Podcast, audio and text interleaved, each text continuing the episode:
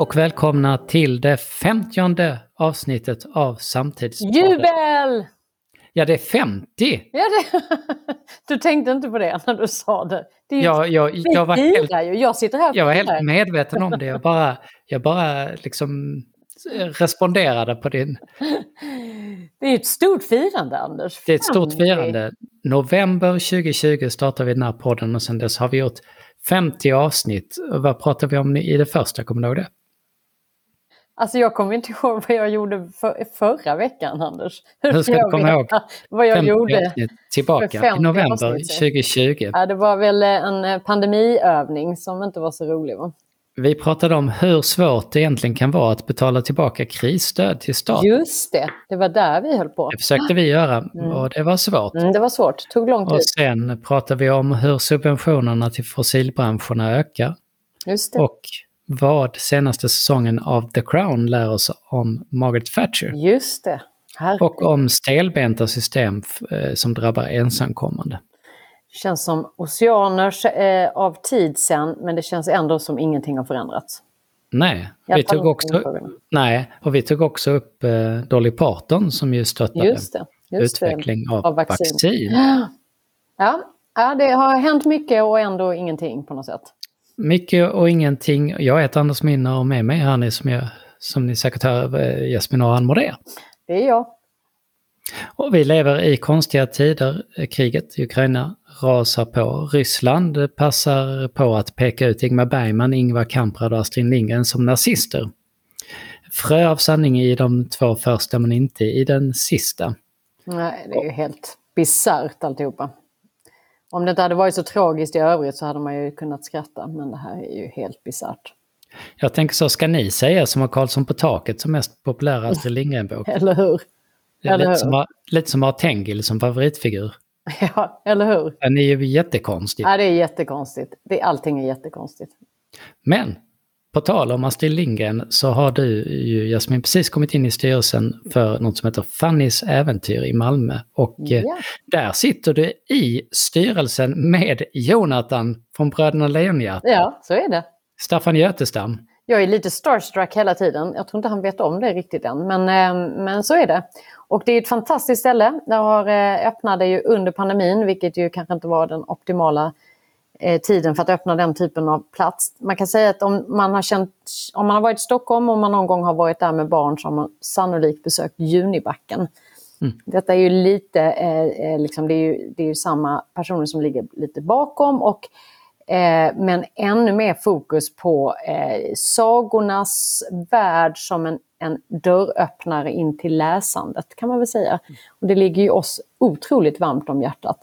Eh, hur vi kan liksom få alla barn i Malmö med omnejd att faktiskt eh, inspireras till att läsa mer. För vi vet att läsningen är ju en nyckel till ett mer eh, tolerant och inkluderande samhälle. Sen är det dessutom... Figurer där också. Så, Ja. är, Ja men du vet, det är, jag, jag önskar ju att man själv vore barn eller kanske hade barn i den åldern eller så får man väl bara låna något barn som har någon ursäkt att gå dit. Det är så fint. Och det är Mumintrollet och det är Pettson och Findus och det är eh, eh, vad heter det, Alfons Åberg och sen är det Fanny som är den här nya figuren som ska liksom, ja men lite som en, som en eh, guide, liksom öppna nya dörrar till härliga nya världar och där är ju teateruppsättningar och det är bok, eh, högläsning och sagostunder. Eh, ja, det är helt magiskt. Det är faktiskt magiskt. Nu känner jag att jag nästan är betald för att säga detta men jag är helt, jag är väldigt glad att bli invald i detta Ja. sammanhang. fruktansvärt roligt. Mm, Och Jonathan på köpet då. Mm, Liksom. mm. Det är så coolt. Och han har coolt. väl varit aktiv i, i, i, i sånt, sånt här tidigare? Absolut, och han är ju konstnärligt ansvarig för detta också och har, ju, har ju varit med och startat det såklart. Eh, Mm. är det, det är fantastiskt. Och skrivit den här nya boken om Fanny, eh, eller nya nya, men som har funnits ett tag. Men, Ja, han har skrivit den också. mm. Ja.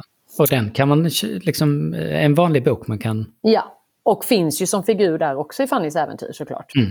Så det, om ni inte har varit där redan så, så eh, skulle jag uppmuntra, jag brukar säga att man kan gå dit utan barn också. Ehm, men man kan framförallt liksom fundera om man vill liksom, men bara ha något annorlunda på en nu känner jag att jag försöker sälja in det här, men en avslutning på en, en konferensdag och bara göra något annorlunda, lägga liksom någon typ av aktivitet eller så. Därför det vet vi om, vi öppnar våra sinnen i den typen av världar vilket gör ju att vi blir mer mottagliga för, för nya kunskaper eller ny information eh, och eh, att liksom varva det med kanske saker och ting som är eh, ja, annat så att säga. Det blir bra. Mm. Mm. Man kan ju lägga liksom sitt kalas där eller sin 50-årsfest om man nu skulle vilja det. Till och med. Och du, och du märkte min, eh, min omärkbara övergång där från Ryssland som bara gled här in i, eh, i eh, Fannys äventyr. In, in i sagornas värld. Jonathan har ju en, en bror som blir sjuk. Mm. Och eh, sjuk, det blir man också över i världen, det är inte så roligt. Mässling är nämligen på Nej. väg upp. Och sprids väldigt, väldigt eh, snabbt. Och man kopplar detta till pandemin mm. eftersom pandemin har gjort det svårare att eh, vaccinera eller att, att få ut programmen. Eller att då betala och bekosta de här programmen. Och detta pratade vi, kommer du ihåg det? Vi pratade om detta ganska mycket under pandemin. Att ris- det finns så mycket andra risker som, som vi står inför när man då stänger ner samhällen. Och detta är ju mm. en av dem. Det är en av dem och eh, det här är då inte de här eh, tokfallen av dumma vaccinmotståndare i Sverige som sitter skyddade och eh, går på mässlingsfester. Det är ju, för barn är mässlingen en, en, en jättefarlig mm. sjukdom mm. som, som kan få svåra konsekvenser. Och den går att stoppa. Det är mm. bara att ha tillgång och få vaccinet så är den egentligen utrotad. Men nu vänds tyvärr det här i fel riktning. Vi får bara hoppas att vi har kraft ja. nog gemensamt att, att vända det. Precis. En annan beklaglig nyhet kommer från USA där, där, som, där politiker har publicerat en läcka från Högsta domstolen. Där man är på väg, ser det ut nu i alla fall, att, att riva upp rätten till abort i USA som grundlagsskyddad rättighet. Det här slog man fast 1973 och nu resonerar de här konservativa ledamöterna i Högsta domstolen, eh, där jag tror att eh, en del av dem tillsattes mot slutet av Trump, eh, att det då inte, det här var felaktigt tänkt 73 och att det här är då någonting som inte bör vara en, en fråga som eh, avgörs på den nivån utan att det här är upp till politiker och till varje delstater. Och då är det ungefär ett 20-tal delstater, om jag förstår det, som, som ligger på vänt att mm. då göra abort illegalt. Alltså detta är, det är nästan som en, eh, en mard, alltså man, det är helt obegripligt att förstå hur de här människorna resonerar. Det är på 2022 är vi va? Jag kommer inte ihåg vilket år det var. Men, men visst är det det. Det är ju, det är ju någonting bisarrt. Att, jag trodde faktiskt inte det med den sammansättningen. Eh, att det är en majoritet som tycker detta. Jag fattar inte. Jag Man rullar ju tillbaka till den där eh, tv-serien. Eh, mm. eh, Handmaids Tale. Ja. Lite grann att, att det går, kan gå väldigt, väldigt kvickt. Men det, det, det måste ju ändå, alltså, liksom, där är ju en majoritet, tänker man, som inte tänker så här, hur har, det, hur har vi hamnat här? Alltså vi har ju pratat om, om, om de mänskliga rättigheterna och eh, kvinnors rättigheter eh, till, till liksom att bestämma över sina kroppar. Alltså detta är som att, att lyssna på någon eh, dålig historia från, från historien tillbaka. Det är så bisarrt. Det är så mm. bisarrt det här. Jag, jag, jag, jag, märker att jag nästan bara stänger av när jag ser det. För jag bara tänker, men det här kan ju inte på riktigt vara sant. Men det är och hårda strider och eh, konflikter kring detta är såklart att vänta mm. protesterna har redan mm. börjat. Mm. Eh, lite tystare kring protester har det varit kring anmärkningsvärda uttalanden från klimat och miljöminister Annika Strandhäll i eh, mot slutet av förra veckan så eh, presenterade eh, Världsnaturfonden eh, en koldioxidbudget där man visar att Sveriges utsläpp måste minska med 20% per år. Annars kommer vi aldrig kunna uppfylla vår del av Parisavtalet, 1,5 gradsmålet. Och Och eh, med dagens utsläppsnivå så är vår koldioxidbudget slut om tre och ett halvt år. Mm. Vad gör vi då? Eh, vår klimatminister säger att det är nästan omöjligt. Och jag tror att den typen av åtgärder det skulle kräva, om det vore möjligt, ganska allvarligt skulle undergräva legitimiteten för klimatarbetet, säger hon till DN.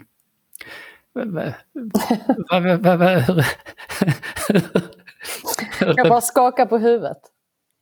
Alltså, det, det, Man kan ju säga att det blir inte lättare sen. Och framför, alltså här är så många delar i detta. För det första så, så är det ju kanske en, en person som hon i hennes ställning ska ju ändå ingjuta på något sätt en, en, liksom en vision och en, och en, och en tro på någonting. Och att genom, eh, ja men det är klart att det kommer vara svårt. Men vi måste ju ge oss liksom fan på, rent ut sagt, att vi ska kunna på olika sätt lösa detta. Och då får man ju liksom snarare titta på, men vad är det då vi kan göra? Och, eh, och se, alltså vi har ju pratat om det här också innan. Eh, allt från att vi kanske inte då ska subventionera det som gör vår situation ännu värre. Utan faktiskt fundera på om vi tar de pengarna som går till just nu att göra saker och ting värre. Vilket gör ju, det, det är ju, den ekvationen är inte helt svår att förstå. Blir någonting värre då måste vi lägga ännu mer kraft och krut på att försöka lösa det, eller hur? Om vi hade tagit bort det så att det kanske hade varit liksom mindre effekt av det dåliga och lagt alla de pengarna på nya innovationer. Du har ju, vi har ju läst upp några spännande saker som har poppat upp med energi som går att lagra mycket längre än vad vi någonsin trodde, eller i alla fall bara för några månader. Men det verkar som, verkar som när man läser eh, hennes uttalanden och andra ledande politiker att man väldigt mycket hoppas på, det tycker jag är bra att man hoppas på innovation eh, och tror på teknikens möjligheter. Men att man liksom skjuter huvudproblemet framför sig och säger att vi hoppas på att tekniken kommer lösa det här. Men För just nu mäktar vi, vi kan inte göra någonting och vi kan framförallt inte göra någonting under ett valår. Är du tokig? Mm. Va, mm. vad, skulle, vad skulle hända om vi drog i bromsen nu? Då skulle vi förlora valet. Och här är ju det här, och det här har vi pratat om också, det här är ju eh, ja, men, contradiction in terms så att säga. Vi, vi höjer, eller vi sänker just nu bensinskatten som är ju, alltså av massa anledningar så är det en usel idé. Dels så pumpar vi in bokstavligt talat pengar i Putins krigskassa genom det. Vi kan tanka mer, eller hur? Med den, alltså, så blir det billigare med subventioner istället för att lägga de pengarna på något annat. Hade vi gjort, tänkt tvärtom, att faktiskt eh, främja att vi kan välja andra bränslen eller andra sätt att eh, transportera oss, då hade inte Putin fått de pengarna och vi hade samtidigt bekämpat klimatutmaningarna. Eh, eh, detta är ju, och detta går ju alla partier med på. Så det, hon sitter ju inte själv i den där båten. Eh, det här är inte, det är verkligen inte okej okay och jag, jag, vet, jag vet faktiskt inte och, och hur det här responsen ska vara. Om en klimat och miljöminister säger det, mm, vad, vad, vad, vad, kan andra säga då? Ja, exakt. Och vad ska hon göra? Varför, varför, var, då behöver vi, men om hon ändå säger att vi skiter i det för vi, vi mäktar inte med. Vad ska vi ha en miljöminister för? En klimatminister? Då kan jag, bara, jag kan tipsa för övrigt om en före detta klimatminister som vi eh, hade med i vår podd eh, Klimat för Dummies förra, som publicerades här i veckan. Isabella Lövin. Hur politiken, har politiken en, en, en chans att påverka klimatarbetet? Så den skulle jag nog tipsa om. Spännande lyssning för, för, för alla skulle jag gissa. Mm. Den, absolut, kan man förstå lite mer om komplexiteten. Och jag sa ju att det var val innan och jag tror att det ligger kanske lite och gnager här i, i Strandhälls eh, svar. Eh, valkompasser börjar dyka upp. Yeah. Valkompasser, det gör man ju ett test och så ser man vilket parti man står närmast. Det brukar bestå av mellan 10 och 20 frågor. Mm. Och de får jättestor inverkan på vad folk uppfattar vad de tillhör faktiskt. Mm, mm. Och här har vi ett intressant samspel mellan eh, redaktioner och statsvetare som gör den här testen, eh, medierna och politikens utformning för de frågorna som man lyfter fram här i alla valkompasser. De kommer ju journalister att ställa frågor om. När det är valdebatt kommer de vara med. Så man formar ju även politiken genom detta. Precis. Jag tänkte att du och jag skulle göra lite från Svenska Dagbladets Ja, men Mm. och se vad vi tycker och Mm. tänker. Mm. Men först bara vill jag att du med din smarta hjärna hjälper mig att reda ut en sak. Okej. Jag gjorde så här, jag gick in på den här valkompassen och så det är frågor som ställs. Håller du med helt eller håller du inte alls med? Mm. Så kan man svara på den. Mm.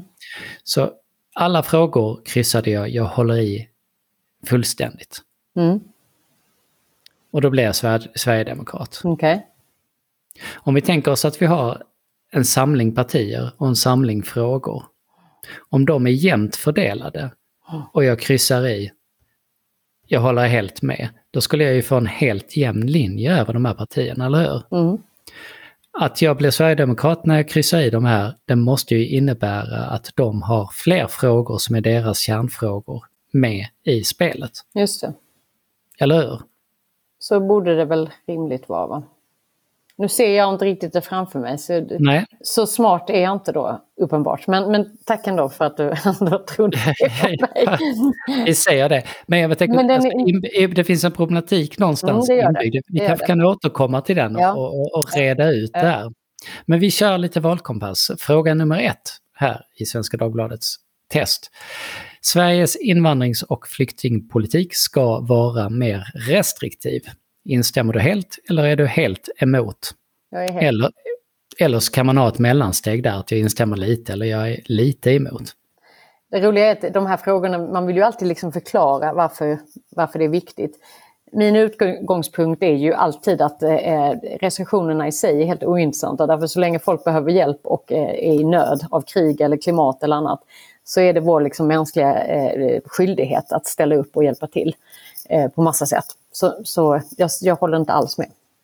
Nej, eh, jag är helt med dig på den också. Jag tycker det är en... eh, På försidan där står det vi ska inte ta emot fler människor än som kan integreras. Det är ju egentligen en väldigt... Alltså, Det är ju en 10 000 kronors fråga. Varför, vad är det? vi, vi, vi, ska inte ha eh, skolor som inte kan utbilda. Eller, alltså, Ja, men det, är det, är en, det är ju en sån, hur långt är ett snöre? Fråga. Ja, det beror ju på hur man jo- jobbar med det. Alltså, det är ju lite samma sak som att säga att saker och ting är omöjliga. Nej, men det är de ju inte. De, de är bara omöjliga tills de är möjliga. Det är helt beroende på hur man hanterar saker och ting. Fråga nummer två. Klimat och miljöpolitik ska överordnas all annan politik. Och eh, här står det att klimat och miljö har en särställning enligt det klimatpolitiska ramverket som man antog 2017. Och i praktiken ska regering och riksdag prioritera klimatet när politiska beslut fattas. Instämmer helt eller helt emot? Vad säger du Jesper?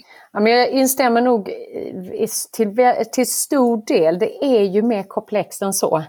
Eh, och det här är ju saker och ting som vi hela tiden pratar om med eh, eh, social inkludering. Var är liksom, får vi in eh, liksom alla delar när vi, när vi sätter en rubrik över det. det är liksom, vi får liksom, man måste se helheten. Vi har pratat om det, tror jag också någon annan gång, att till exempel företag som bara säger att eh, ja, men vi engagerar oss i FNs hållbarhetsmål nummer tre och fyra och sju, men inga andra. Ja, men det funkar inte riktigt så. Därför har du inte en ekonomisk hållbarhet med eller, eller den, den sociala dimensionen med eller klimatet, ja, men då blir det ingen helhet och då kommer det ändå falla tillbaks på att vi kommer förstöra klimatet eller jorden. Eller, förstår du? Så den är, men jag håller ju med att detta är ju en av våra, det, har, det säger vi ju hela tiden, det är en av våra ödesfrågor. Och löser vi inte detta så har vi ju ingen framtid. Och då, då behöver vi inte prata om ekonomi eller någonting annat heller.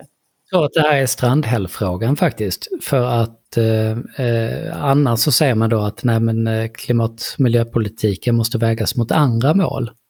Ekonomiska mål, social utveckling och så Mm. vidare. Eh, och det, det är den avvägningen som jag läser in i hennes uttolkande att eh, kostnaden skulle bli för dyra på andra plan. Mm.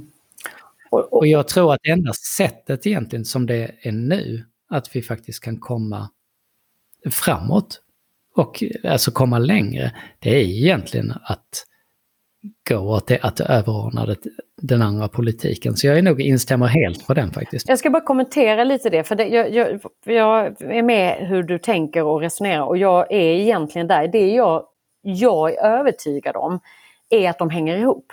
Därför om du inte tänker eh, klimat, eh, liksom klimat först nu, men med det hittar smarta lösningar som är ekonomiskt hållbara så kommer det ändå inte hålla. Det innebär med det tänket att ekonomin hänger med och det är där ekonomin eh, finns. Eh, gör vi det på rätt sätt så, det, så, så, så, skulle jag inte vara så orolig som Annika är att, att detta skulle kosta för mycket. Jag, jag skulle säga tvärtom, om vi inte gör någonting nu, då kommer det kosta oss jättemycket. Så är vi strikt ekonomiskt eh, gammel nationalekonomer, då skulle jag säga att då har vi ett problem om vi skiter i klimatet. För då kommer det kosta oss mycket pengar som vi aldrig får igen. Det är nu vi ska investera i rätt energikällor, i rätt sätt att transportera oss, i rätt sätt att forma städer så att det hållbart håller. Och där finns pengarna också. Så det är ingen, jag skulle säga att det är ingen motsatshistoria egentligen. Nej. Vi tar nästa fråga. Sverige ska bli medlem av NATO. Vi har tassat runt den frågan lite grann. Ja. Instämmer helt lite eller är lite emot eller helt emot? Alltså, vi, vi hade ju precis, du sa ju det, vi pratade ju faktiskt om dem för några gånger sedan och eh, tyvärr skulle jag säga, vilket är lite konstigt, så är jag nog för nu ett medlemskap. Jag vill egentligen inte det, men du fattar, vi har ju haft den eh, diskussionen. Mm. Vad säger jag du? Är, ja, jag är inne på att instämma lite här. Mm. Jag har svängt där och mm. som det ser ut nu mm. ser jag inget annat alternativ som är lockande. Nej, tyvärr. I detta. Hur, hur känns det hittills med valkompassen? Ja, men den är, den är bra. Den är bara det att jag kan ju se det framför mig hur man eh, liksom just skriver de här fylleri och sen så hamnar man kanske snett ändå. Och det, det gäller ju att ha med sig det i huvudet när man sen faktiskt röstar så man inte bara går rakt på det som det här, de här frågorna har styrt in mig på. Utan jag får, måste också få tänka lite själv. Nej, sen så kommer det svåra frågor också. Mm. Nästa fråga är typ en svår fråga. Anonyma vittnen ska tillåtas i domstolar. Mm på försidan är så att vi har många rädda vittnen och inställda rättegångar. Ingen vågar vittna för att, för att eh, hoten är så starka. Mm. Och i motsidan det innebär att man inför rättsosäkra åtgärder mm. i rättssalarna. För den som är anklagad för mm. brott ska ju såklart då få veta vem är, det, vem är det som anklagar mig och säger för att kunna bemöta det. Mm. Vad svarar du på en sån? Och vad har vi för alternativ här då? Ja, det är samma, helt, helt eller lite. lite. Ja, men den är, är, nu har jag varit med lite i, i sådana här sammanhang där, där eh, eh, ja, men både som vittnes, inte jag personligen som vittnesstöd, men, men har haft personer i min närhet som har jobbat som vittnesstöd. Eh, man måste ha respekt både för de som vittnar men samtidigt den andra orätt, alltså att det blir orättssäkert. Så jag instämmer, jag är nog mitt i, alltså jag vet inte skulle jag säga. Jag, är nog liksom, jag skulle vilja ha någon sån här vet ej mitt emellan. Jag vet faktiskt inte mm. vad jag skulle säga. Tycker den är supersvår.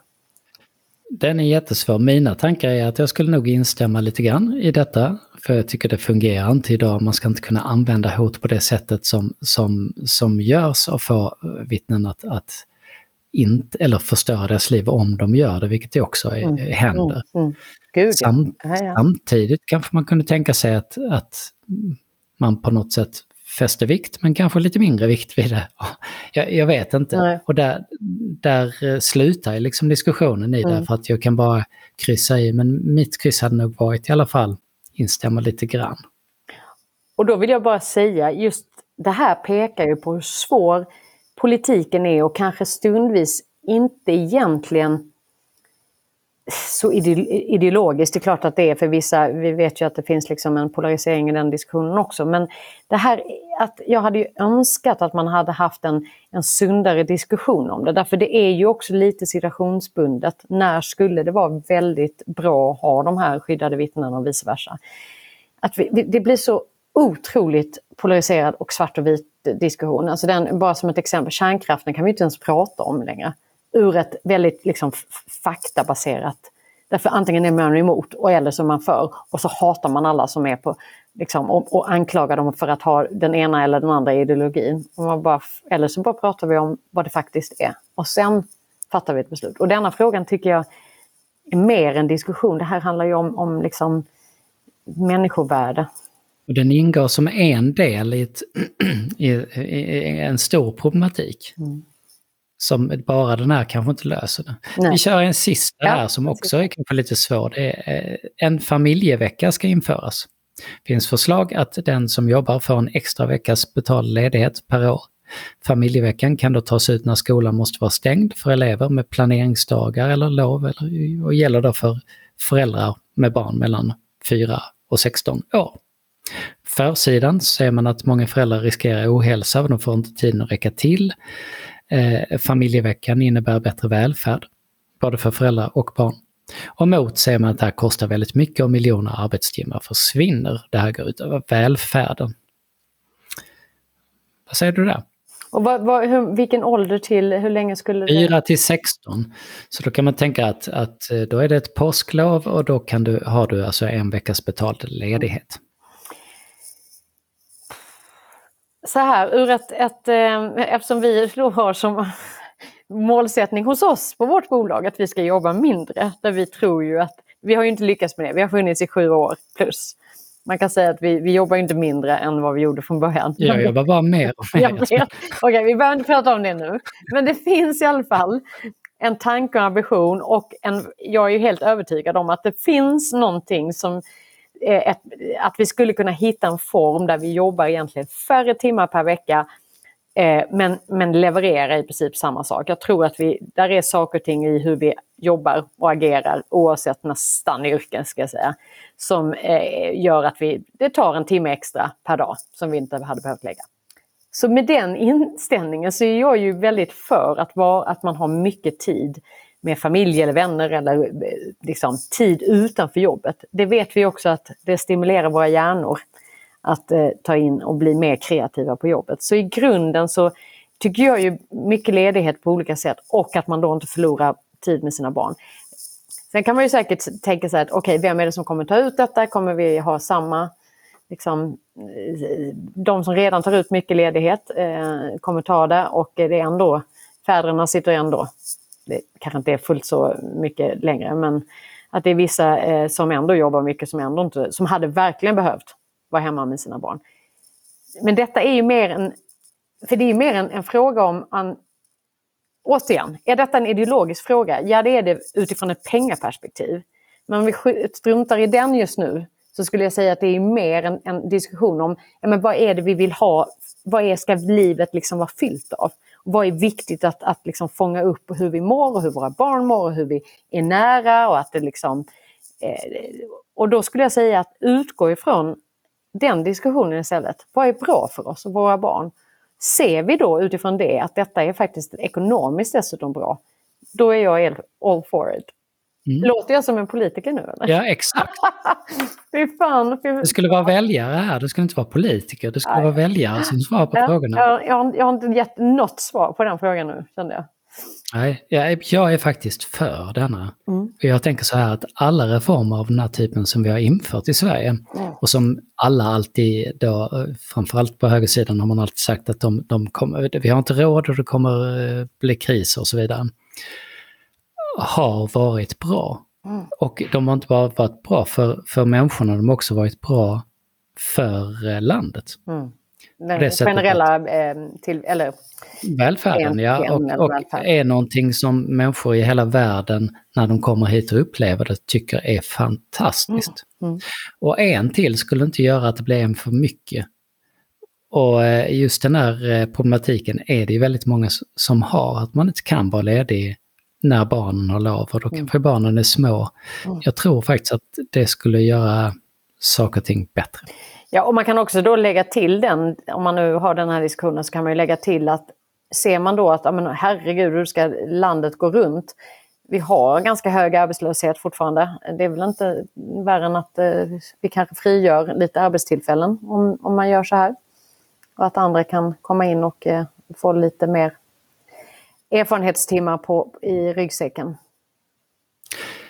Vi... Okay, jag lutar åt den, den liksom, jag är, är liksom li, lite mer positiv rent om jag nu skulle kryssa. Jag vill bara se hela helheten. Ja. Mm. Ja, vi är inte ens halvvägs men vi håller där för den här dagen. Vi kan fortsätta nästa vecka. Jag är redan helt... Eh, svaret. Ja, Jag är helt egentligen nu av alla dessa frågor. Eller hur? Det är den 5 maj och idag, 1918, så slutar det finska inbördeskriget med att den röda sidan kapitulerar. Det här orsakade stor splittring i landet. Det sägs att det ännu idag sätter spår i det finländska samhället. Jag vet faktiskt inte exakt hur de spåren sätts, men att det fortfarande finns de här aggen i samhället efter inbördeskriget. 55 så blir Västtyskland en stat med fullständig suveränitet. Där har man alltså hållit på i tio år sedan krigsslutet och förhandlat med västmakterna som då de har allierade som då ockuperade Tyskland i tio år. Och 55 så blir det en självständig suverän stat. Idag, 1904, så vinner Herreys Eurovision Song Contest med Diggiloo. 84. 84. Jag tyckte du sa 1904. Det, det känns så när man blir gammal, men det var 1984. Diggiloo Diggiley, den andra segern någonsin.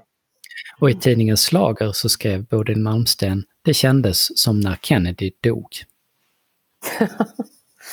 en fin dokumentär om Bodil finns på eh, SVT Play. Väldigt värd att se.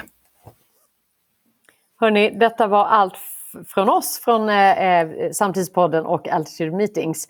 Och eh, mer om oss kan ni läsa och följa på altitudemeetings.se. Vi hörs och ses snart igen. Hej då!